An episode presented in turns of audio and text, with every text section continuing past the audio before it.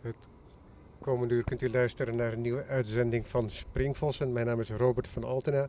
Ik zit in een zonovergoten Amstelpark op een klassiek parkbankje dat volledig bestoven is, groen bestoven is met pollen van, waar zitten we onder, berkenbomen. Naast mij zit Sema Bekirovic, beeldend kunstenaar, maar ik spreek haar vandaag in de hoedanigheid van curator. Dankjewel dat je me wilt spreken, Sema. Ja, heel leuk om Ja. met je te praten. Wij zitten op een bankje dat uitkijkt op het glazen huis. Dat is een van de paviljoens in het Amstelpark. En in het glazen huis heb jij een tentoonstelling die de Engelse titel draagt: Reading by Osmosis. En wat is dan de ondertitel? Eh, Nature Interprets Man. Osmosis, dat bedoel je dan niet in de strikt biologische betekenis van het woord, denk ik. Ehm, ja, osmosis is natuurlijk informatieoverdracht eh, eh, op chemisch en celniveau. Ja, dus reading by osmosis. Een selectieve informatieoverdracht. Selectieve.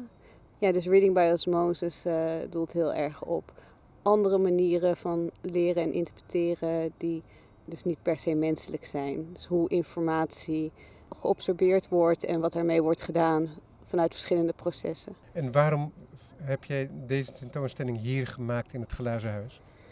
Eh, nou ja, de aanleiding was eigenlijk dat ik echt gevraagd werd om een tentoonstelling te cureren. Dat was voor mij wel een hele interessante vraag, want dat, ja, ik heb wel een aantal tentoonstellingen gecureerd, maar dat was altijd met menselijke kunstenaars. Maar ik denk dat de meeste mensen me toch wel kennen van mijn beeldende werk. Ja, de vraag om curator te zijn, dat vond ik een hele interessante vraag, omdat het natuurlijk heel erg gaat over context en ook eh, hoe je met auteurschap omgaat. En ja, het is natuurlijk nu ook heel vaak de vraag van wat is de invloed van de curator en nou, dus, eh, Ja, er ik- is zelfs zo'n eh, opkomst van de curator. Dat is een, iets over een periode van 40 jaar, denk ik wel. Waar die de laatste 10 jaar toch wel flink voet aan de grond heeft gekregen. Waardoor de curator zelf ook echt als auteur aanwezig is. Ja, Eh, Eerst waren dat enkele bekende namen die dat deden. ja, En inmiddels is dat bijna een gewone attitude geworden, een gewone houding van een curator. ja, en het, ik vond het zelf wel een, een, een leuke, interessante rol, omdat ik zelf als kunstenaar ook altijd speel met eh, auteurschap en ik gebruik vaak natuurlijke processen in mijn eigen werk die het werk maken. En dat was altijd al een beetje een kritiek op het idee van de auteur of de kunstenaar, ja, waar ik mezelf niet echt prettig bij voel. Ja, dat, dat eh, paviljoen staat natuurlijk midden in het park, omringd door allerlei processen. En toen dacht ik van ja, ik ga een tentoonstelling cureren, maar dan werken met niet-menselijke kunstenaars. Is er een object waar het mee begon voor jou? Wat was eigenlijk het eerste object? Nou ja, het concept was wel eerder dan, het, da- dan de objecten er waren. Hoe ben jij op dat concept gekomen? Nou, ik noemde mijn eigen werk altijd samenwerkingen met, met de natuur of met natuurlijke processen.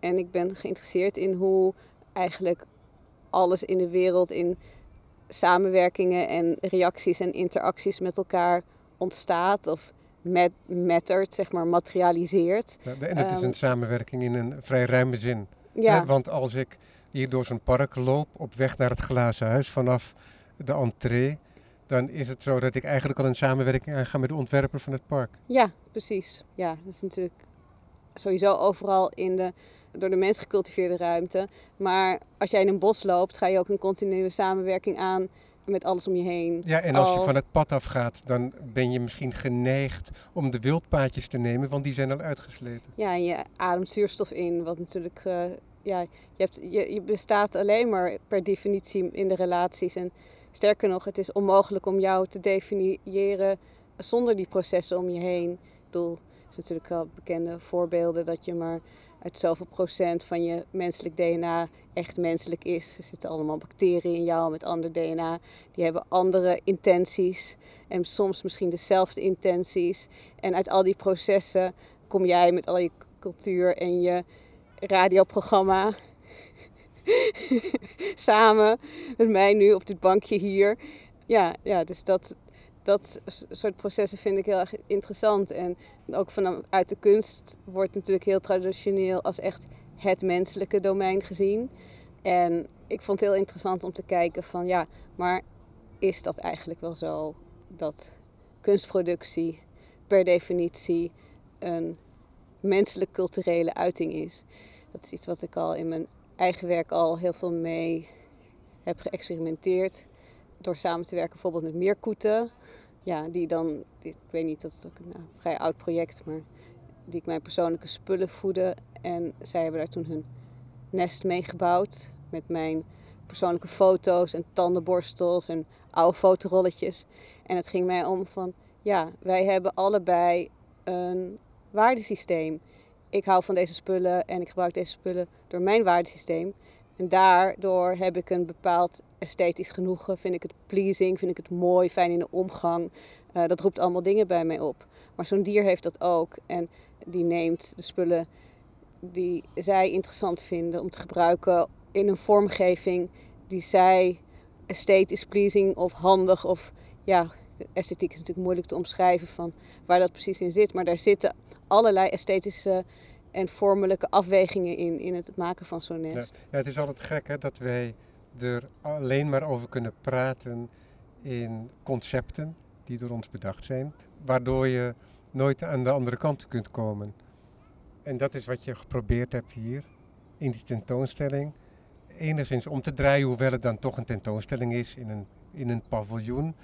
Maar je probeert toch om mensen uit te nodigen om het eventjes anders te zien.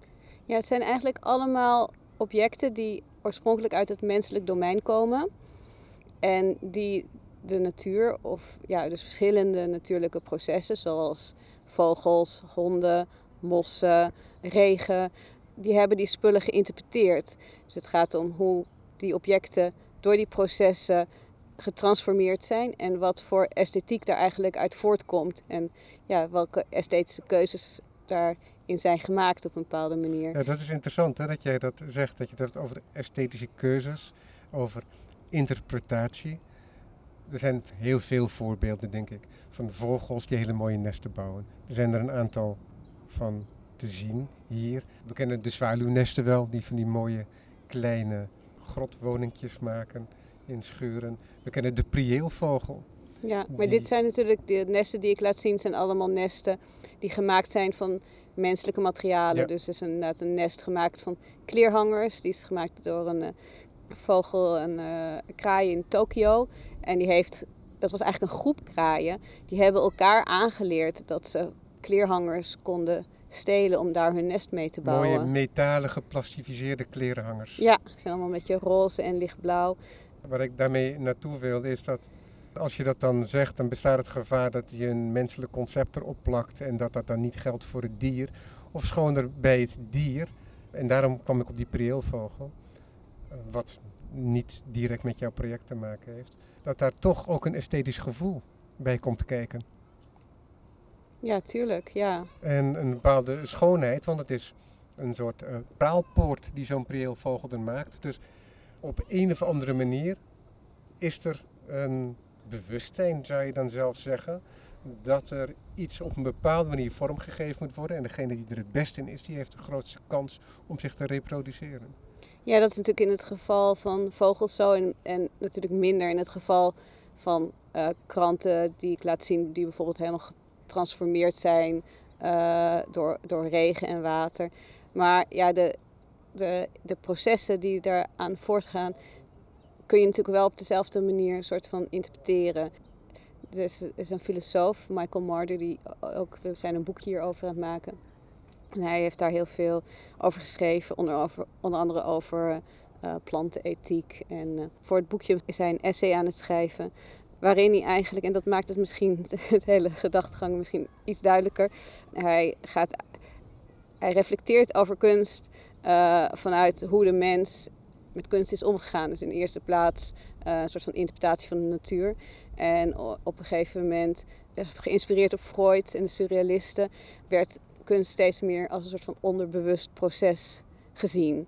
En hij zegt van ja, de onderbewuste processen die ons eigenlijk driven en de basis zijn van al ons doen en kunnen, zijn in wezen plant-like. Het zijn een soort van hele soort van moeilijk uit elkaar te halen processen die met reproductie te maken hebben, transformatie te maken hebben. En hij heeft het over dat de hele wereld op een bepaalde manier samenhangt van allemaal metabolistische systemen. En in die transitie ziet hij een soort van basisidee van wat je kunst zou kunnen noemen. Dus het is een, verder dan zomaar het object, zeg maar. Ja, ja dus het is een veel ruimer kunstbegrip. Ja, ja. Dan we geneigd zijn te gebruiken. Ja, en ik vind dat natuurlijk interessant ook gewoon in de bredere context van ja, het antropoceen en uh, hoe de mens met de wereld omgaat en de centrale eh, positie die de mens inneemt in de wereld. Ja, want natuur en dat deel van de natuur dat zich daarvan probeert af te scheiden, wat wij de, de mens noemen, dat zijn wij. En dan wordt daar die natuur af en toe ingepast. Hè, zoals de bomen hier in de perkjes. Maar anders, andersom is het natuurlijk eigenlijk veel dichter bij de waarheid. Want die structuur is natuurlijk de grote illusie. En uiteindelijk denk ik, tenminste die, die tentoonstelling heb ik ook... Heb, tenminste, ik heb de vormgeving samen met uh, Jan-Pieter Karper gedaan. Maar we hebben erover nagedacht om juist heel erg de emphasis... Uh, de nadruk? Nadruk te leggen op uh, een soort van museale tentoonstelling. Want het is uiteindelijk een tentoonstelling voor de mens. Uh, er gaan geen dieren naar kijken. En de... er komt hier een, een soort... De mens komt nu langs in een blauw speelgoedtreintje. het is een tentoonstelling voor de mens, waarin die processen zichtbaar gemaakt worden. Maar uiteindelijk is het natuurlijk ook zichtbaar dat de mens uiteindelijk verliest. We zijn allemaal kwetsbare wezens. De natuur overleeft ons natuurlijk sowieso. Als je het hebt over climate change, al die dingen. De, de, de zorg uiteindelijk is natuurlijk dat onze realiteit, zoals wij die hebben en waar wij over fantaseren, ons utopische soort van gedachtegoed staat op het spel. De natuur staat niet op het spel. Ja, als we het even met rust laten, ook datgene wat wij gebouwd hebben, dan is het verbazingwekkend altijd hoe snel het door de natuur teruggewonnen wordt. Ik herinner me dat ik ooit in Belitz Heilstetten was. Daar ben jij misschien ook wel met Rietveld geweest. Rietveld had wel excursies daar naartoe. Nee, maar het is richting Potsdam, buiten Berlijn. Een oud sanatorium. Um, een complex. Maar in dat complex is er één gebouw. Na de Tweede Wereldoorlog werd door de Russen overgenomen. En die hebben, kennelijk is dat of gebombardeerd geweest of uitgebrand geweest. Daar zijn ze niet meer aangekomen. En over een periode van, laten we zeggen, 1950 tot op heden, heeft zich een bosmeester gemaakt van uh, die constructie van vier verdiepingen hoog. Dus er zit geen dak meer op. De trappen, dat zijn uh, verticale vlakken met, uh, geworden met, met mos begroeid. Bomen die steken door verdiepingen heen. Ik heb daar op het dak gelegen en het is net alsof je op, het, op een bosbodem ligt. En inmiddels is dat helemaal zo geaccepteerd dat er de mens dan vervolgens weer een heel traject van looppaden in de lucht omheen heeft gemaakt, zodat dat dan bekeken kan worden. Dus dat wordt dan vervolgens weer geconserveerd. Ja, zelf ben ik wel eens uh, in het gebied bij, rond Tsjernobyl, bij Pripyat geweest. Ja, dat is eigenlijk heel bizar, want dat is nu een soort van toeristische attractie geworden waarin je gewoon rond kan lopen als een soort van heel erg naar geestig pretpark. Maar ik vond het interessant om dat inderdaad te zien. Van ja, hoe wordt zo'n stad overgenomen? En dat is natuurlijk een van de uh, meest dramatische cases uh, ja, ja, waarin dat gebeurt. Omdat het echt helemaal een afgesloten no-go area is.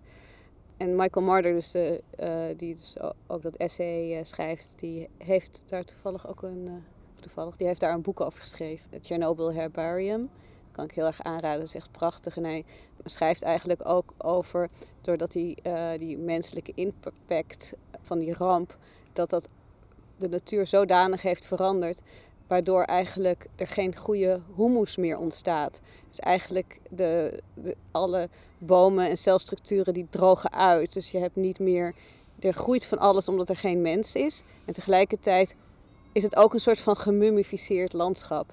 En dat is natuurlijk ook een heel interessant en confronterend concept als je nadenkt van hoe wij nu met de planeet omgaan eh, en uh, ja, wat voor blijvende uh, veranderingen aan de atmosfeer.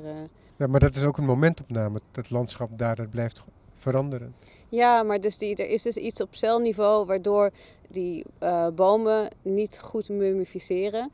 Of niet goed composteren en daardoor soort van blijft er dus takken blijven heel lang liggen bijvoorbeeld. Ja, ja. En hij gebruikt dat in zijn schijf als een soort van metafoor over een soort van een drang naar eeuwig leven die de mens heeft en de, ja, de, de, de, de schade die dat soort van oplevert, maar ook de soort van psychologische en absurdistische schade waarin we niet meer met onze eigen vergankelijkheid kunnen dealen eigenlijk.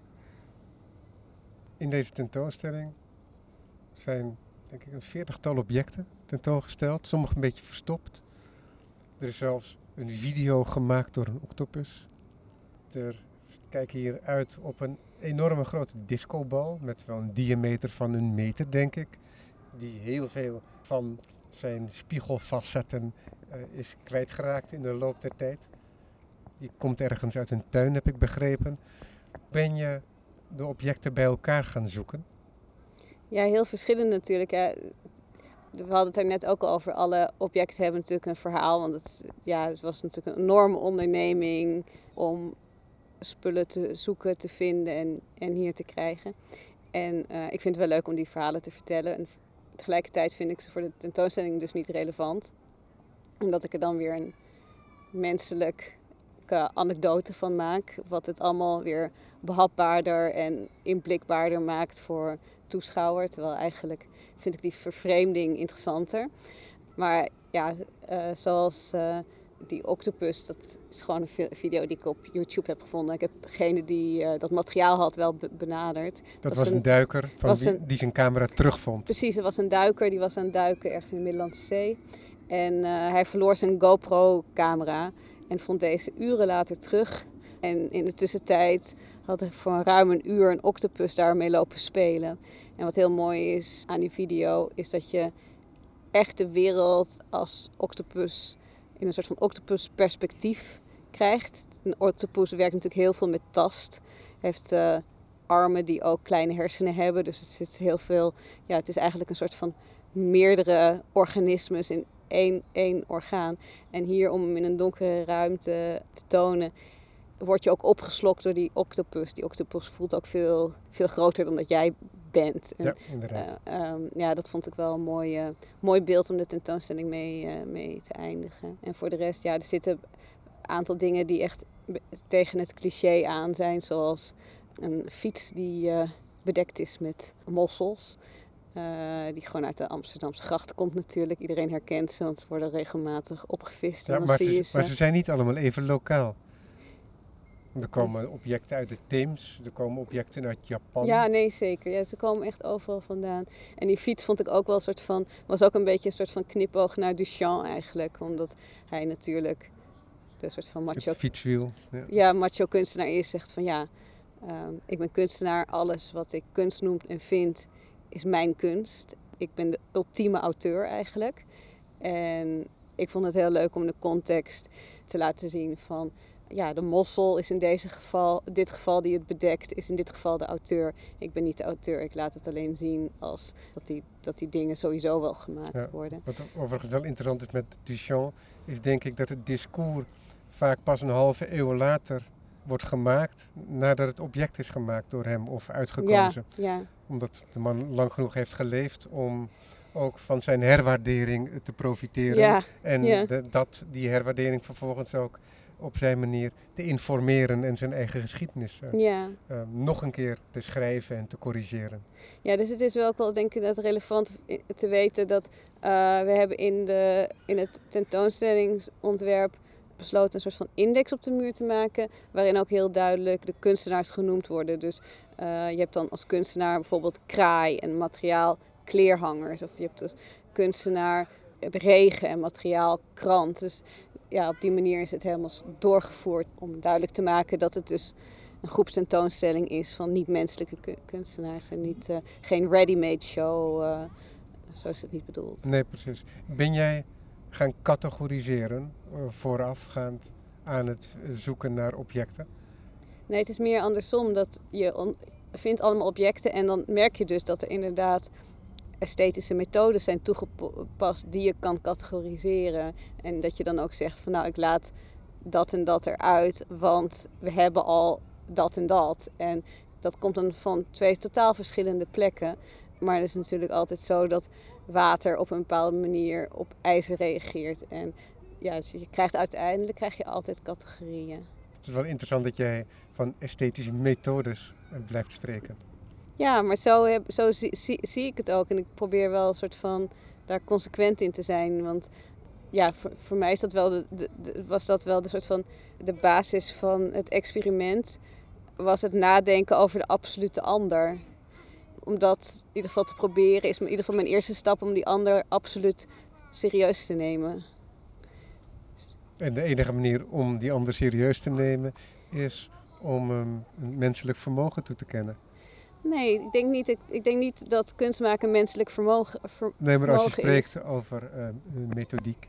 Ja, precies. Maar dat, het is natuurlijk geen andere echte benaming of woorden. Soms schieten woorden ook gewoon tekort omdat je ergens mee bezig bent wat je niet of nog niet in staat bent om dat echt te duiden. Maar uh, ja, zoals Michael Marder, die heeft daar ook heel veel, ja, die schrijft daar ook over van uh, hoe uh, al die soort van processen, is het nou osmotisch, is het, is het dit, is het dat? Je probeert soort van met woorden soort van dichterbij te komen van hoe je dat nou kan interpreteren in woorden uiteindelijk. Want uiteindelijk maak je natuurlijk weer een menselijk verhaal ervan. En het gaat natuurlijk niet om dat je die grote ander echt kan vatten, maar het gaat gewoon om de, de poging om je open te stellen voor de ander, wat dat dan ook mogen zijn. Misschien is het aardig om een enkel object uit te halen. Ja. Eén object wat heel sculpturaal is en heel vanzelfsprekend bijna, waardoor het net lijkt alsof het niet in de tentoonstelling hoort, maar dat het daadwerkelijk een kunstobject is. Dat je ertussen hebt geplaatst om de boel te ontregelen. Dat is bijvoorbeeld een vaas. We kijken er hier net op uit, in het derde venster. Er staat een dame naast. Dat is een vaas van, nou, ik denk zo'n 40 centimeter hoog. Weet je, crème kleurig met een licht groen zit er misschien in. En die vaas, die is begroeid. Die heeft heel lang in het water gelegen waarschijnlijk. En die is begroeid met allemaal hele mooie kleine kelkjes, vaasjes op zich weer.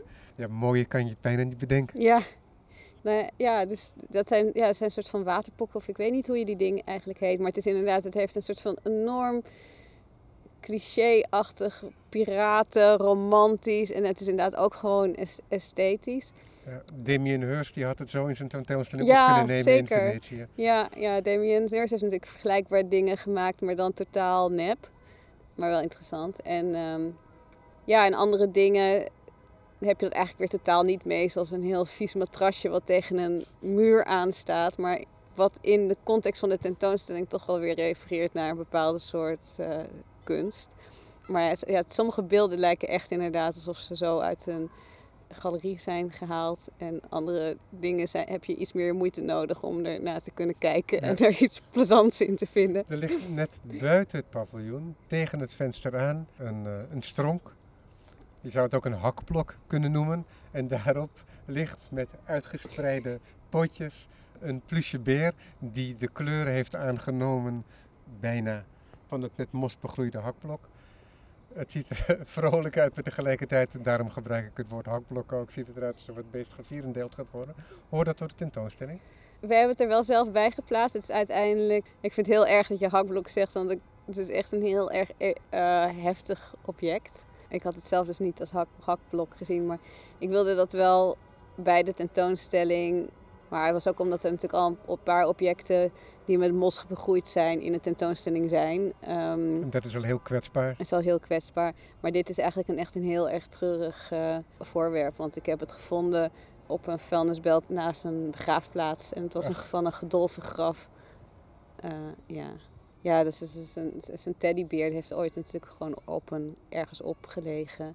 En, op een eh, op Ja. een graf. En eh, ja, daar zijn mossen overheen gegroeid. En op een gegeven moment worden, ja, of misschien vonden de eigenaren van, van de nabestaanden het een te viezig ding geworden en hebben dat gewoon op die hoop gegooid. Dat zou natuurlijk ook heel goed kunnen. Ja. En wat is een ander dierbaar object uit de tentoonstelling voor jou? Nou, wat wel heel interessant is, zijn die plankjes. Heb je die bekeken? Ja. Eh, het zijn plankjes Een vier plankjes en die zien eruit als een klein boekenkastje. En ehm, er staat een afdruk op die eh, fotografisch eh, bij- te noemen is eigenlijk. Het lijkt een soort van fotogram van allemaal objecten. Ik heb die plankjes ooit uit een afgebrand huis gehaald. Heel lang geleden, toen ik nog op de Rietveld zat. Het waren keukenplankjes. Vuur is over plankjes heen gegaan. En overal waar spullen stonden, bleven af- afdrukken achter. Dus het is echt een Ja, soort alles van... is beroerd behalve daar waar Ja. de potjes op Ja, stonden. precies. Ik heb dat toen tentoongesteld als een soort van ready-made. En dat is verkocht aan eh, BBD, een eh, kunstverzameling. En zij hebben dat gewoon als een Sema Bekirovic in hun collectie. Ja. En ik heb het dus teruggeleend. Ik heb het onteigend voor de tentoonstelling. ik heb vuur weer eigenaar ervan gemaakt. En het was zodanig opgehangen. En uiteindelijk zal het wel weer teruggetransitioneerd worden in een onderdeel moeten worden van, van die collectie en mijn oeuvre. Ja, dat is heel grappig inderdaad. Dus het is een beetje een mindfuck. Ja. Er ligt een prachtig sculptuur ook bijna recht tegenover de entree. Ja, ja, het is een, Een granieten blok. ja, het is een Of eh, graniet, is het, is het wel graniet? ja, denk weet het ik niet. eigenlijk niet. Heb ik geleend van de kunstenaar Arnold Hodderman. Dus Leisteen, denk ik. ik zou kunnen, ja. En heel veel objecten heb ik, heb ik via via. Er hebben natuurlijk heel veel mensen ook meegeholpen aan deze. Dus ja, heel veel mensen hebben meegeholpen met spullen zoeken en uitlenen. Ja. En, eh, dus eh, ja, Arnold Holleman had dat in zijn studio al heel lang. Ehm, het is een deurdrempel die 200 jaar lang als zodanig heeft gediend. En daardoor enorme slijtageplekken heeft. En na 100 jaar werd hij omgedraaid. Dus hij is aan twee kanten versleten eigenlijk. Wat hem echt, eh, ja, echt eh, sculpturale kwaliteiten geeft. Ja, en daarom begrijp ik het niet. Omdat het is uitgesleten door de mens. Ja, maar het is natuurlijk, de, het gaat niet om of de mens is natuurlijk ook gewoon een proces. Het gaat natuurlijk om dat het gewoon door de frictie van al die voeten onbewust is uitgesleten. Dus ik, ik zie ons mensen niet net zo goed als natuurlijke processen, als natuurlijk allerlei eh, processen. En we hebben hem zo geplaatst bij de ingang, omdat we het zoiets hadden van, ja, het, het lijkt een soort van grappig en schattig heel veel dingen, maar het is eigenlijk moet je een enorme drempel over om, de, om die dingen in deze context daar iets mee te kunnen. Dus die drempel was ook een soort van om echt iets fysieks, als je binnenloopt, waar je over kan struikelen. Iets wat tegenwerkt, iets wat frictie heeft, om dat op zo'n manier te plaatsen eigenlijk. Was het moeilijk om dingen te vinden? Of was het zo dat toen je eenmaal je gedachten aan het project wijde, dat je het eigenlijk overal tegenkwam? Ja, nou, ik heb er wel heel veel tijd aan gespendeerd, maar ik heb het niet echt gezien als werk. Ik was meer een soort van aan het. Ja, ik, ik wandel sowieso heel veel, dus ik ben altijd aan het lopen en aan het kijken. En ehm, ja, het was meer gewoon iets, dingen die kwamen gewoon naar me toe gerold eigenlijk. ehm. Als je een beetje een open mind houdt.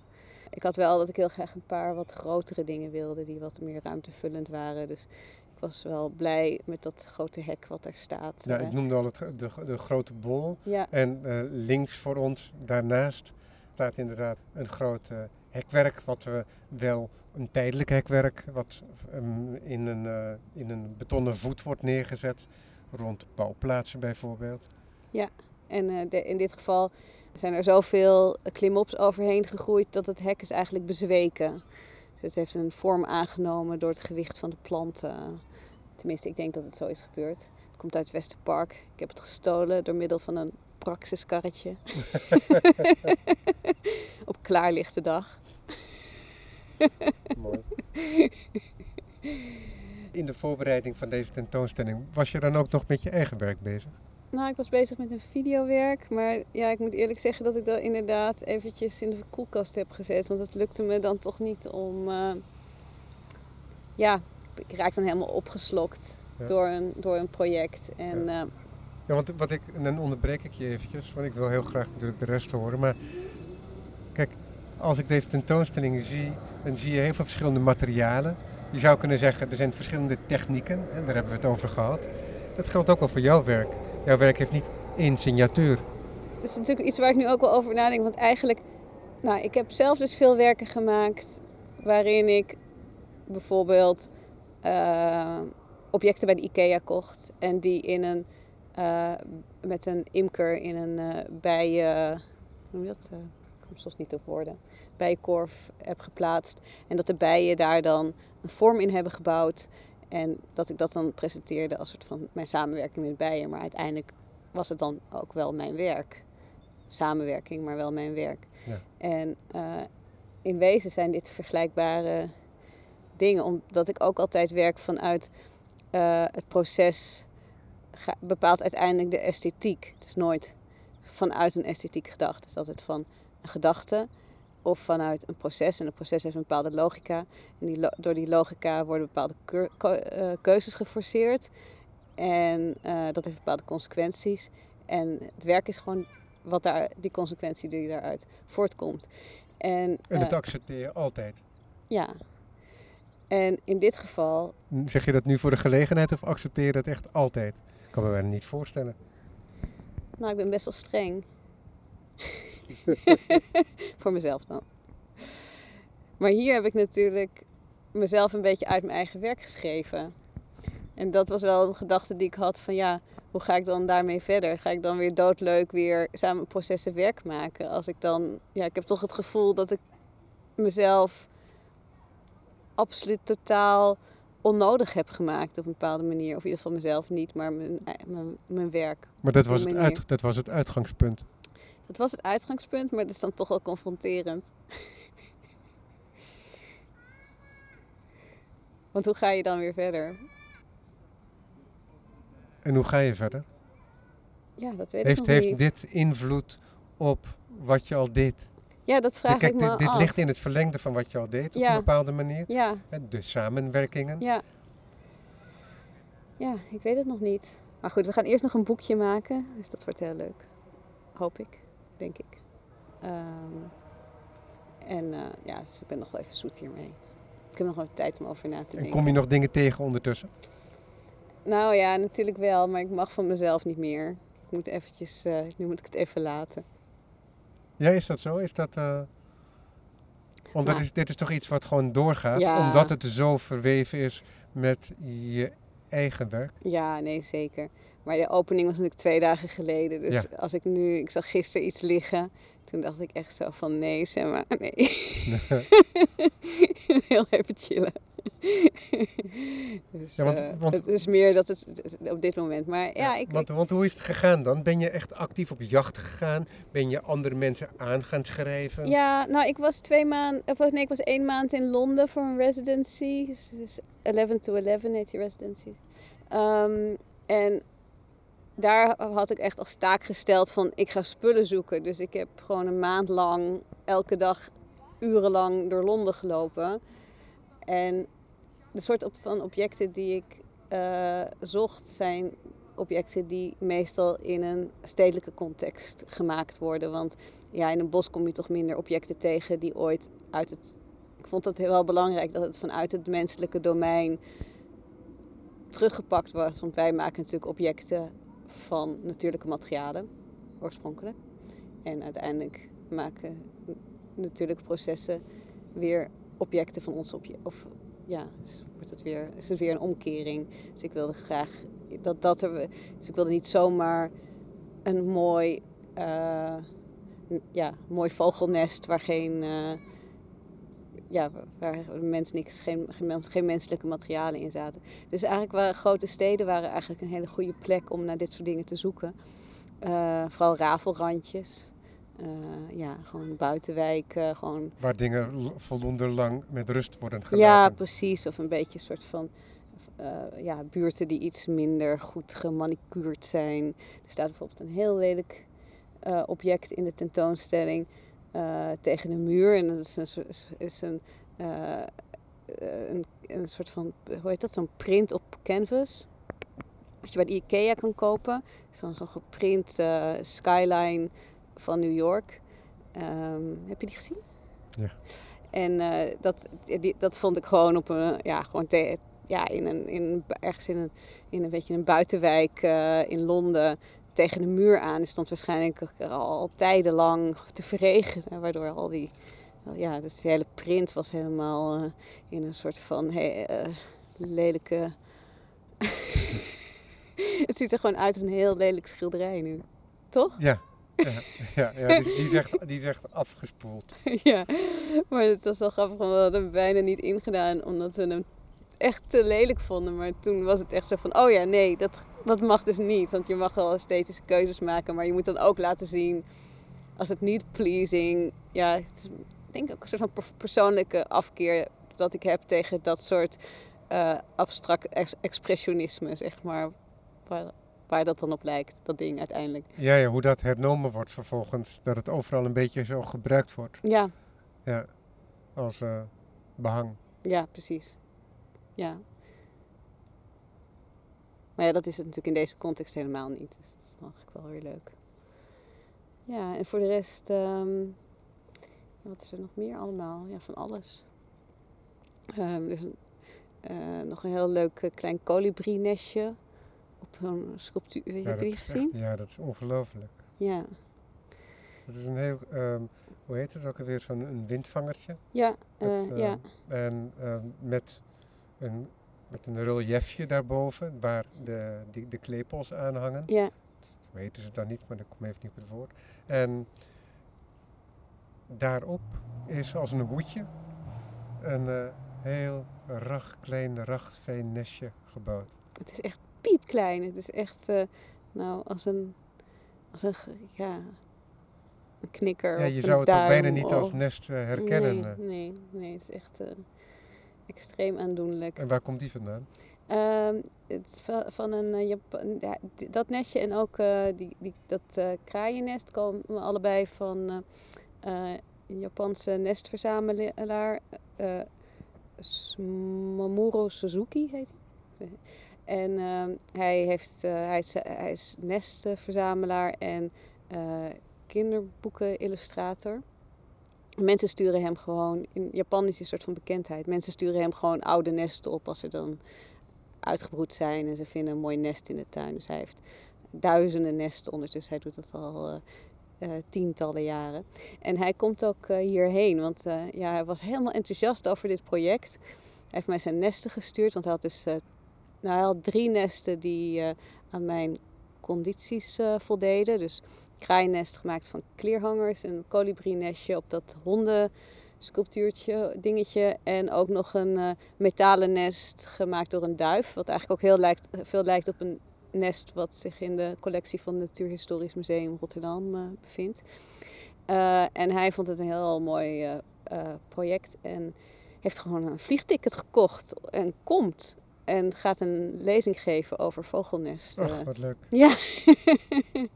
En waar, waar vindt die lezing dan plaats? Ja, ook hier. Maar ik heb nog niet echt helemaal bedacht eh, eh, hoe en wat. Ik, ik heb ook die data nu niet zo eh, voor me liggen. Maar, Nou, maar ik, ik zet het te zijn de tijd en wel bij Ja. de aankondiging van de ja, want, uitzending. want Michael Marder die komt dus ook, die filosoof, tijdens de boekpresentatie. Dat is ergens in april. En Mamoru Suzuki komt in maart. Dus dat zijn nog twee soorten Ja. van events. Ja, dat is leuk. Nou, dan kunnen we het dan ook wel gewoon wat rugbereid aan geven. ja, de ja, nou superleuk natuurlijk. Ja. Ja.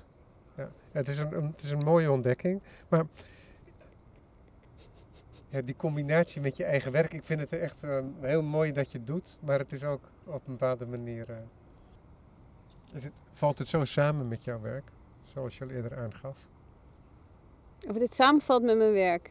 Nou ja, kijk, ik, ik weet niet wat, wat mijn, mijn werk is. Ik bedoel, ik maak dingen, maar het is natuurlijk ook gewoon nadenken over dingen is natuurlijk het werk en de dingen die daaruit Mhm. voortkomen zijn daar onderdeel van of Ja. zijn een soort van ja, En dus het schrijven over dit project, dat hoort daar ja, ook gewoon bij. ja. Het is gewoon dat ik die, he- dat hele ding van, weet je, de rol van de, van de kunstenaar en het idee van eh, agentschap een beetje, ja, binnen de meeste dingen die ik doe graag een beetje meer op de hak wil zetten. En hoe bedoel je het woord agentschap in deze? Ehm, Als agency ja. of als... eh, agency, Ja. ja. ja. omdat ik denk van ja, alles heeft agentschap. En eh, op een of andere manier wordt daar bij kunstenaars heel moeilijk en belangrijk over gedaan. Maar bij andere processen en beroepen, menselijke en niet-menselijke, een stuk minder. En ehm, ja, ik heb gewoon heel erg behoefte om eh, dingen altijd een beetje soort van... Ja, ik hou niet zo van hiërarchieën en zo. Dus ik heb altijd, Ja. een altijd wel een beetje de behoefte om dat, eh, daar een beetje in te porren. En te proberen daar andere perspectieven in te bieden. Ja. Ja, het is wel grappig, omdat je hebt kunstenaars die eh, het toeval uitsluiten. Of zeggen dat ze dat doen in elk geval. Dat kan ook dan een mythologisering achteraf zijn. Maar ik sprak laatst met Lon Pen, ook een beeldhouwer. En die probeert toeval juist uit te nodigen. Wat je helemaal niet verwacht als je zijn eh, minimalistisch abstracte Hmm. eh, m- metalen beelden ziet. En hij zegt daar juist over, ja, want het mooie van toeval is, het geeft niet mee. Het geeft niet mee. Het geeft niet ja, mee. Ja. ja. Het geeft mee en het geeft niet mee tegelijkertijd. Ja, het, geeft niet mee omdat het gewoon iets is wat je gewoon moet accepteren. Ja, ja. Het is eh, geen argument dat je kunt veranderen. En, Ja. en dat is misschien is dat iets wat je ook kunt zeggen over deze tentoonstelling. Eh, kun je, je kunt het zoveel maar hebben over eh, methodologie, over auteurschap en dergelijke. Maar op een bepaalde manier is het ehm, niet zozeer toeval als wel dan omstandigheden. Hè. We hebben het over luchtvochtigheid, voldoende lang met rust laten van een bal, van een leren bal in de tuin, zodat uiteindelijk de mos over de stikselnaden eh, van al die losse eh, zeshoekige schijfjes eh, kan groeien. Hè, waardoor het als het ware de tekening benadrukt. Hmm, ja. Nee, zeker. Ja. Ja, ja, die ja. Maar in die zin, dat, dat geeft niet mee, want ja, heel vaak, wat, met heel veel van deze dingen, zoals het met het begroeien, is het vaak toch zo dat de, de structuur van datgene wat begroeid wordt, leidend is voor wat er gaat gebeuren. Mm. Hè, In ieder geval met zo'n bal Ja, bijvoorbeeld. ja. Ja, het was, is wel bijzonder met die bal, omdat het dan inderdaad... eh, die naden zijn dan blijkbaar soort van poreuzer dan de bal zelf. Het is gewoon een voetbal. En op de naden is dan helemaal een soort van groen laagje mos gegroeid, maar die middelstukken... En er hangt dus ook een paar schoenen met mos. Ja, ja, eh, die zijn ook prachtig ja, waarin het En die zijn, logo... ook, die zijn ook mooi helder groen gebleven Ja. nog. Ja, dat, dat, die, die zijn nog, eh, ja, moet het echt even goed levend houden, want die, eh, dat droogt gewoon heel snel uit. Hè? Hmm. Maar bij die scho- schoen is heel mooi dus dat het logo onbedekt is gebleven. Dus het is een soort van, ja, het is heel vreemd. eh, een soort van, dat het logo nog bestaat, ja. Ja, Je hebt er nogal plezier gehad, denk ik, hè, met het verzamelen. echt heel veel plezier. Ja, ja, en de tentoonstellen vond ik ook heel, ik bedoel, gewoon hier werken was heel erg leuk. Ja, ja zeker. En nu pauze of Ehm, schrijven? Ehm, nou ja, nu gaan we dus in ieder geval een boekje maken. Ja, want dat zeg je, we, we gaan dat doen. Maar eh, gaan jullie echt samen een tekst schrijven? Nou, eh we is ook eh, is Jan-Pieter, Jan-Pieter Karper, die dus ook eh, geholpen heeft met de vormgeving van de tentoonstelling. Maar Ja. hij gaat ook vormgeving van het boekje doen. En, ehm, eh, en Michael Marder, die schrijft natuurlijk gewoon zijn tekst. Maar dat heeft hij wel gedaan naar aanleiding van een correspondentie die wij hebben. Ehm, maar dat is een hele autonome tekst. Daar gaat niet letterlijk in op de tentoonstelling. Maar dat was ook niet... Ja. Ik vind het, ja, dat vond ik juist wel interessant. Dat het gewoon echt een autonoom ding is. Ehm, ja, dus dat is wel, vind ik wel heel spannend. eh, wat er, hoe dat allemaal samen gaat komen. Toch? Ja. En, eh, ja, en voor de rest heb ik heel veel eh, achterstallige dingen die ook moeten gebeuren. Zoals al- allemaal een soort van financiële dingen die je dan uiteindelijk uitstelt. Omdat Ja, je dat te druk bent Maar- en alle praktische zaken. Ja, want want hoe, is, druk. hoe is jouw kunstenaarspraktijk dan? Want je hebt, je hebt niet dat je als een, schil, als een schilder naar je studio gaat en je maakt weet ik veel schetsen en je zet iets op. Omdat je toch ehm, vaak met procedures werkt en met een idee. ehm, of, ja, weet je, je- jij hebt toch... ehm, heel veel vindt er plaats achter, je, achter een bureau, stel ik me voor bij jou. Ehm, Ondanks al je wandelingen. Ja, ja, ja. Ja, nou, je- Eh, ik denk het meest, eigenlijk hou ik heel, ja, een heel groot gedeelte van mijn tijd ben ik research aan het doen. Dus ik ben heel veel aan het lezen en ja, ik, ik lees veel eh, wetenschappelijke eh, boeken en artikelen. En ehm, ja, het is, meer, het, is- meer gewoon ook mijn soort van interesse in eh, de, eh, de, ja, het interesse in de wereld, maar ik ben wel ook echt geïnteresseerd in eh, hoe je via wetenschappelijke methodes de wereld interpreteert en hoe de wereld daardoor soms transformeert. Doordat die methodes natuurlijk altijd invloed hebben op het, ja, op het perspectief wat je er uiteindelijk hebt. Want je kijkt altijd ah, door een figuratieve, of in mijn geval, of ons geval, letterlijke bril. Eh, dus altijd een soort van. En, en, en ja, dus dat is altijd, je hebt altijd tools nodig om dingen die in de wereld zijn te begrijpen. En die tools die herschrijven de wereld tegelijkertijd. Tuurlijk, als je een bepaald eh, nieuw concept leert, dan heb je daarmee ook weer een nieuw instrument om de wereld op een andere manier te bekijken. Ja, en als je om je heen kijkt, dan is natuurlijk, kijk, wij zijn, zien alles vanuit het perspectief van de mens. Want we zien eh, bepaalde kleuren en gradaties van licht. En nou, of, eh, insecten die zien infrarood. eh, andere dieren die, die reageren alleen op geur of op beweging. Ehm, en al die soort van ja, manieren van kijken. Eh, dat zijn, onze ogen zijn natuurlijk ook onze tools waarmee wij de wereld bekijken. Dus het is en de technologische tools, een beetje in de zin van eh, ja, hoe Haraway het heeft over de cyborg en hoe dat soort van onderdeel is van onze perceptie en zo. Maar het is ook, we zijn sowieso een soort van cyborgs, ook al zouden we geen tools hebben, omdat we, ja, door, doordat we gewoon een bepaald soort ogen hebben, een bepaald soort hersenen, wat verschil tussen mensen en andere dieren, maar ook tussen verschillende mensen.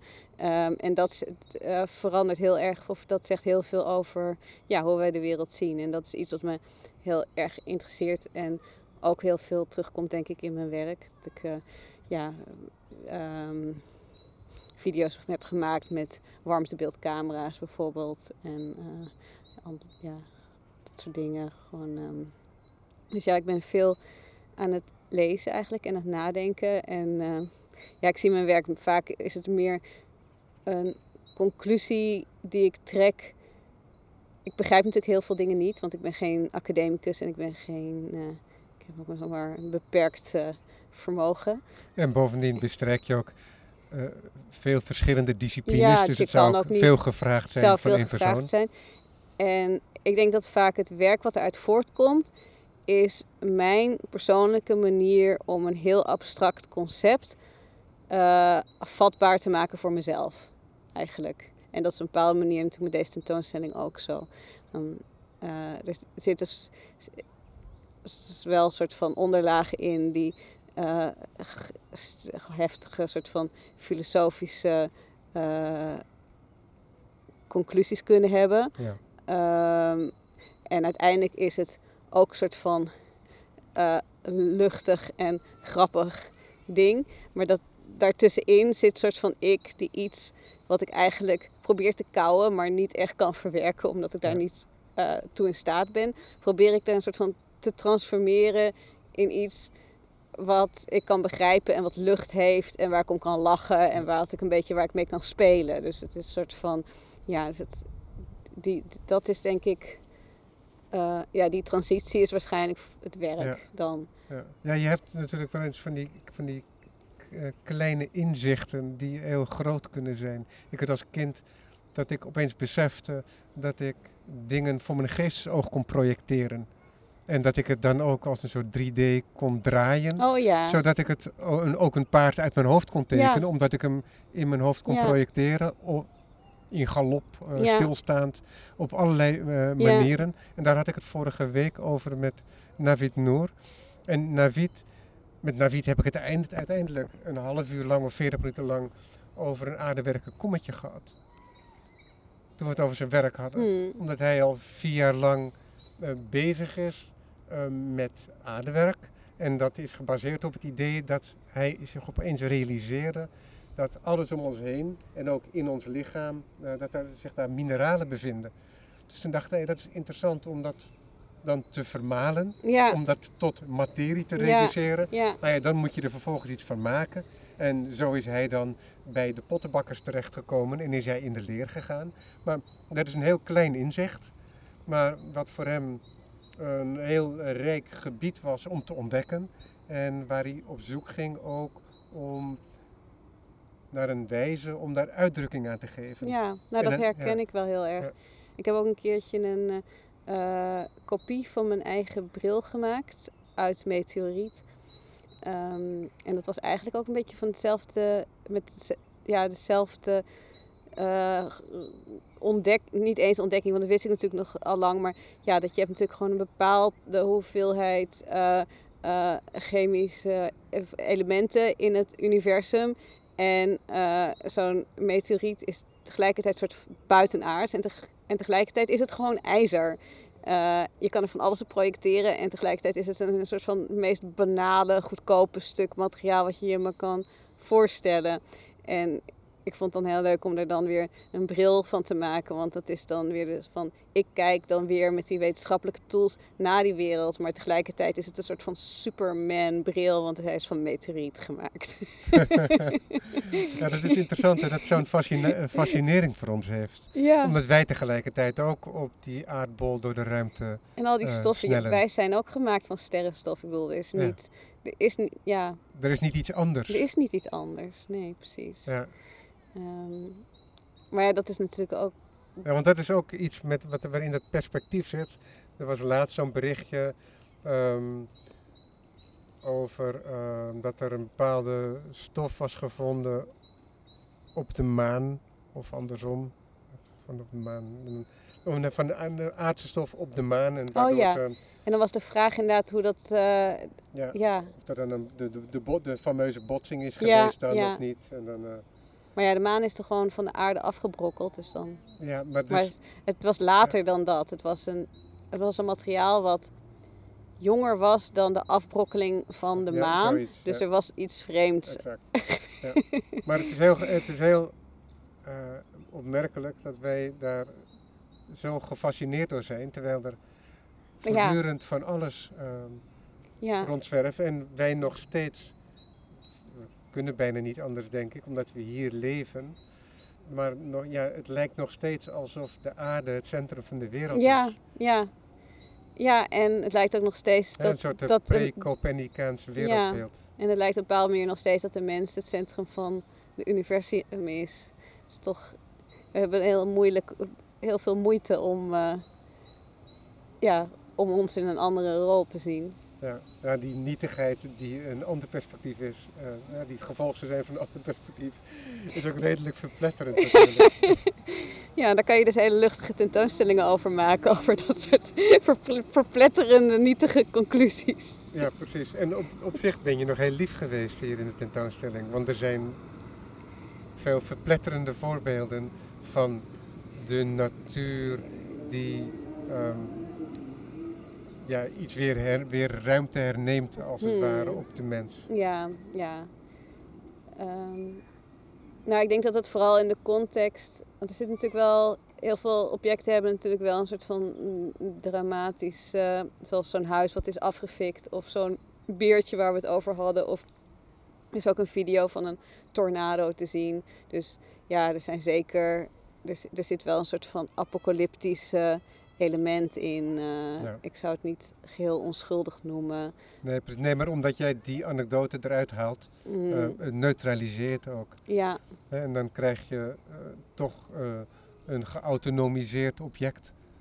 Ja, maar ik, ja, ik weet niet of ze echt ge, ge, ja, ik vind het woord geneutraliseerd misschien lastig, maar... Kijk eens achter je. Hey, een rood bosje. Ja. Oh, is lief.